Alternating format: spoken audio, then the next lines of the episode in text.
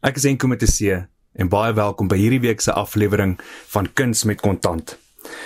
Ek sit hier by 'n man met my visplakkies of plakkies aan my voete en soos elke luisteraar weet wat al die afgelope paar jaar na Kuns met Kontant luister, is hierdie die program waarin ons die vermaaklikheidswêreld met die wêreld van finansies versoen en keer op keer in soveel episodes of afleweringe van Kuns met Kontant gesels kunstenaars op die program met my oor kontrakwerk.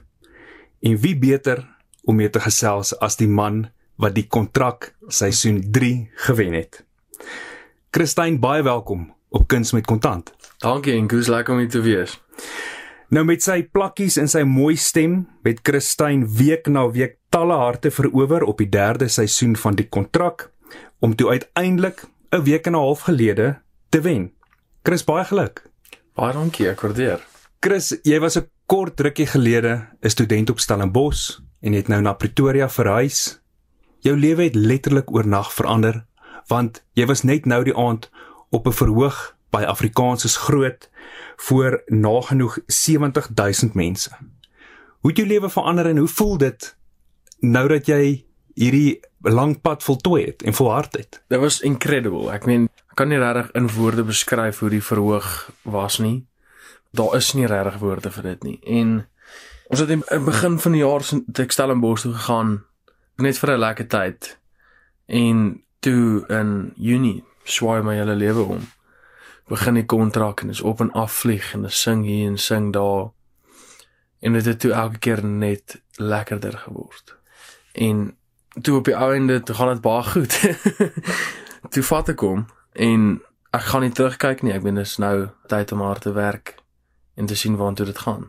En Chris, dink jy jou plakkies waarmee jy keer op keer op die verhoog gestaan het, het 'n verskil gemaak? Dink jy dit het ook daartoe bygedra dat jy dalk gewen het buite nou vir jou mooi stem?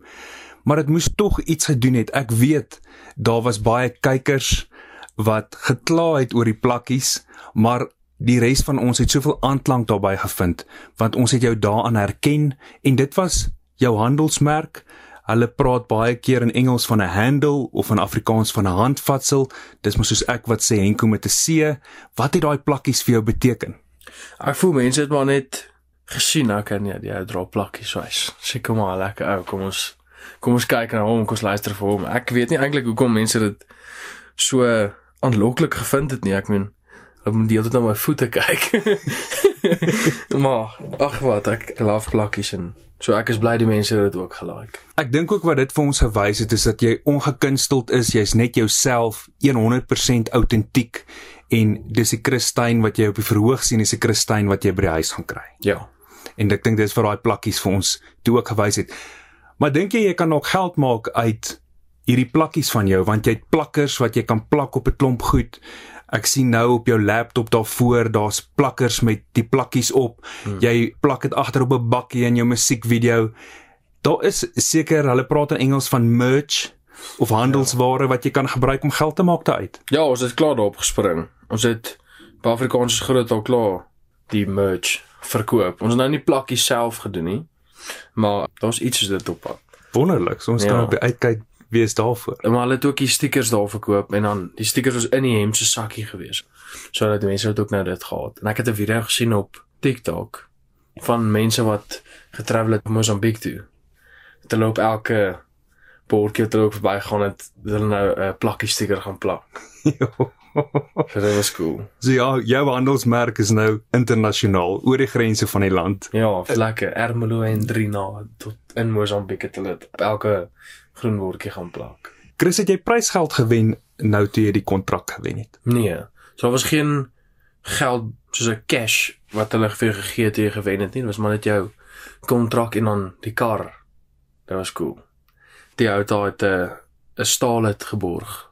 Is dit die een wat ek hier buite gesien yes, staan het? Yes, vir 'n jaar. Ek voel dit sit my op 'n soos 'n tipe van 'n soos 'n pedestal, of ek vir 'n jaar vir 'n kaart te betaal nie. Net ek wil 'n bakkie hê vir die bakkie paaiement betaal en dan net volgende jaar al daai geld wat in soos op 'n down payment sit op die ding. Wat het jy as eerstejaars student op Stellenbosch gery? 'n Figo. maar jy sê jou droom is tog om 'n bakkie te ry. Ag ja, ek dink is maar enige call it en se droom om 'n bakkie te ry. So my my groot droom is eintlik om 'n Porsche 911 GT3 RS te ry, maar dit is bietjie duur. Sien ek, ek kan hom nou nie net so vinnig gaan koop nie. En jy gaan sukkel met hom om op 'n plaaspad te ry. Ja, veral in hierdie paaie hierso. Ja. Al die potholes. Chris, is daar enige iemand wat aan jou sy is en saam met jou kyk na die kontrakte en die dinge waardeur jy moet worstel en lees en interpreteer op hierdie pad vorentoe nou dat jy die kontrak gewen het? Is daar iemand wat jou die nodige leiding gee? So ek het aan die begin toe ek die kontrak gekry het, het ek na ons prokureur toe gegaan vir hom my goed gevat. Dat hy deur dit gelees en dit vir my soos in soos kinderlik verduidelik sodat ek dit presies kan verstaan. So deur die kontrak se goed ook en nou aan die einde toe ons nou besef is daar's eintlik dalk 'n kans dat ek kan wen. Toe ek self gaan sit en deur die kontrak weer gelees en gaan highlight en goed wat ek nie verstaan nie. Toe kom sit ek by hom by hom Ariel toe verduidelik hulle vir my. So ek het weet presies vir wat ek opgesign het. Chris, het jy iemand wat jou gaan help as die sukses nou behoorlik posgevat het? Wat jou gaan help vorentoe om jou loopbaan fyn te beplan, maar om ook te kyk na die finansies rondom dit. Is daar iemand wat jy vertrou het? Het jy ouers wat saam met jou na dit kan kyk? Wie is daar wat regtig vir jou die nodige leiding kan gee? Iemand met ervaring, want ons moet erken dat op 19 jarige ouderdom is 'n ou nogal blootgestel daaraan dat mense in die bedryf of die industrie maklik misbruik van jou kan maak. Ek weet van soveel kunstenaars wat optree by konserte en na die tyd nie betaal word nie. Die wat wel betaal word, het nie altyd hulle vinger op die pols om te kyk na hoe om hulle finansies te bestuur nie. Is jy gerad vir dit? Ag ja, ek het nog altyd relatief alright gewerk met my geld. Ons nou 'n paar maande in die jaar gewees waar die dorp te veel geroep het. Maar dit gebeur mos maar met die beste van ons. Ja, nee, is nog jonk en jy mag jouself vergewe daarvoor. Ja, nee maar my ouers is baie kon dit op die bol met dit. Ons wou klaar so 'n besigheid gestig het, maar dis te vroeg. Ons moet eers kyk of ek soos genoeg geld gemaak dat dit gaan sin maak. Want as ek elke maand nie oor die oor daai sekere hoeveelheid inkry nie, dan gaan die persentasie van daai twee nie uit vir die besigheid se belasting gaan nie gaan dit match nie. Dan maak dit nie sin nie. As dit nou moet gebeur, ek hoop dit doen en ek moet nou my besigheid sê dat ek alles daardeur kan hardloop. Daar sal 'n 'n boekhouer wees. Ons het klaar iemand wat gesê het hulle is bereid.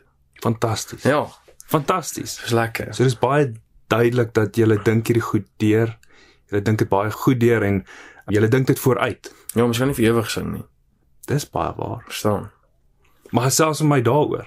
Ek voel mense weet dit. Rugby speler kan ook nie vir ewig rugby speel nie. Mense moet jy moet begin besef daar's iets wat jy na die tyd moet kan doen. Want anders gaan jy nie geld hê nie. En ek dink dit is lekker om nie geld te hê nie. En het jy 'n idee wat dit eendag sal wees vir jou wat jy dalk sou wou doen nadat jy gesing het? Ek kan nie vir jou presies sê nie, maar ek weet dit gaan 'n besigheid wees. Dit gaan moet. Ek het nie want nie moet nie. Ek ek wil. Soos ek weet net dat dit dit gaan in daai alley afgaan. Ja. Ja. Jy weet nie wat 'n bedryf nie. Maak nie saak nie. Elke besigheid moet maar op sy eie. Ja. Is daar iets wat jy by jou ouers gesien het in jou grootwordjare in die huis? Iets moois oor hoe hulle te werk gegaan het met geld wat jy vandag sal toepas in jou eie lewe? Ons het nooit regtig gepraat oor geld in die huis nie. So daar was nie gesprekke oor hoeveel wie maak of wat hulle doen. Ons het gelewe, ons het altyd kos op die tafel gehad, so. Nou die afgelope ruk het ons, alwas want ek het begin uitvra, want ek wil weet wat ek moet doen en wat ek nie moet doen nie.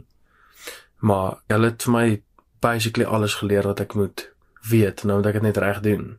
So nou wag ons maar en kyk hoe die geld in gaan kom en hoeveel dit gaan wees.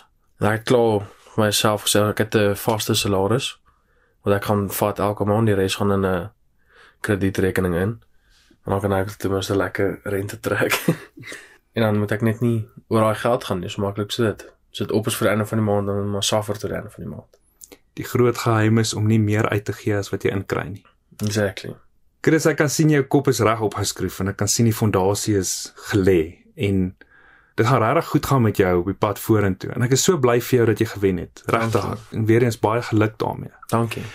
Met 'n seë. Chris met 'n C. Sou jy sê dat dit is belangrik om jouself met die regte mense in die lewe te omring? Hoekom ek jou vra is, jy het 'n woonstelmaat gehad Mm. wat die video gelaai het sonder dat jy dit besef het. Ja, Wat op die ouene vir jou die deur oopgemaak het na die kontrak. nee, verseker. So dit is tog belangrik oor wie jy jouself mee omring in die lewe. Het sy dit nou adviseurs is, mense wat jy vertrou of vriende is. En ek weet jou vriende beteken vir jou baie in die lewe. Ja, hulle doen. Ek meen dis ek's lief vir hulle. En ek meen hulle is al saam met my vir 'n ruk en ons het dit so lekker tye saam. En jy sal hom nie vandag kwaadlik neem nie, maar was daar aan die begin 'n stadium wat jy jou Ek was baie kwaad, maar dit is vir net vir so 'n halfuur. Maar vertel vir die luisteraars wat daar gebeur het, want jy het nie daarvan kennis gedra dat jou woonstelmaat daai video gaan inskryf vir die kontrak nie. Ons het geweet is vir die kontrak. Ek moet sê wie my mentor is of wat 'n week wou gehad het. Maar ek het nie passwords op my foon nie. Soos ek het nou, ek moes dit seker maar kry. Maar weet ons het gechill, ons as jy luister, doen dit net. Soos neem net die video. Soos okay. Dis ek vir maak so besluit op 'n ander dag of iets. En toe ek wakker word lekker woeps. Toe neem hy vir jou die besluit. Ja, terwyl ek slaap. Maar ek, soos ek sê, ek is nou dankbaar daarvoor. Ag, dis mos nou so 'n joke. Hy het 'n joke gemaak wat ek bly hy het. Chris, jy kan definitief sing en jy het 'n besonderse mooi stem. Ek bedoel jy het al vroeg begin. Jy het op hoërskool het jy in die koor gesing. Ja, ja. Dit wys vir jou daar dat jou liefde vir musiek al begin. En ek is so bly dat jy op die ou ende selfs as student toe 'n gitaar opgetel het en aangehou sing het. Want die wêreld sou 'n armer plek gewees het. Die land en die Afrikaanse musiekbedryf sou 'n armer plek gewees het as jy nie aangehou het met dit nie. My gitaar, hier is die derde gitaar vir die jaar. In laas jaar Desember toe het my gitaar se nek gebreek. Toe het ek dit gelos en gelos. Ek sê okay. Gaan nie nog een kry nou nie. Ek het nie vir my pa gesê nie. Want dit het gewete gaan kwaad wees. Maar toe hy nou die een keer uitvind, ek dink hy het Stellenbosch gekom en toe in die flat geslaap, toe sien hy die like gitaar.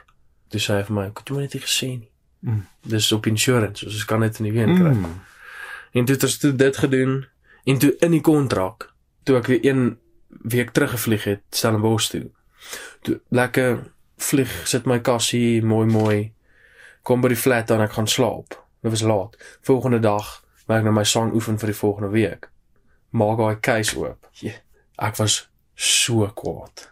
Nek ook weer gesnap. Tweede keer.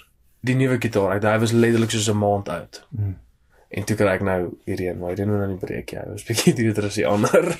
Hoe breek so 'n gitaar se nek? ek weet nie. Ek het nog nooit te goed gedetune voordat ek gevlieg het nie. Dit het nog nooit so gebreek nie, nog nooit. Maar ek vermoed hulle gooi mos nie die goed in die vliegtyg. Dan dink nou hy's in 'n hard case, so hulle kan mos net gooi. En ek dink hy het of die hout binne in die case het hom gevang op 'n plek en hy het gegaan of hy het kon dalk uit die case het geval het. Soos oop geklik het eers want alles hak mos maar. Toe sit hulle maar net terug. So ek weet nie eintlik wat gebeur het nie, maar tog ook maar 'n bietjie bly. Dan het ek nou hierdie een gekry. Indien jy sopas by ons ingeskakel het, ek sit in kuier by die wenner van die kontrak seisoen 3. Ek en hy sit in ons plakkies want dit is waaraan die man erken is tydens sy lang tyd op die verhoog tydens die kontrak en ook verlede naweek op Afrikaans se grootste verhoog. Christine, ek wil vir jou baie dankie sê dat ek vandag by jou kon kuier hier op Kuns met Kontant en daarmee groet ons jou en die luisteraars vir hierdie week se Kuns met Kontant. Dankie, Inko. Dit was lekker om hier te wees. Ek sal dit enige tyd weer doen.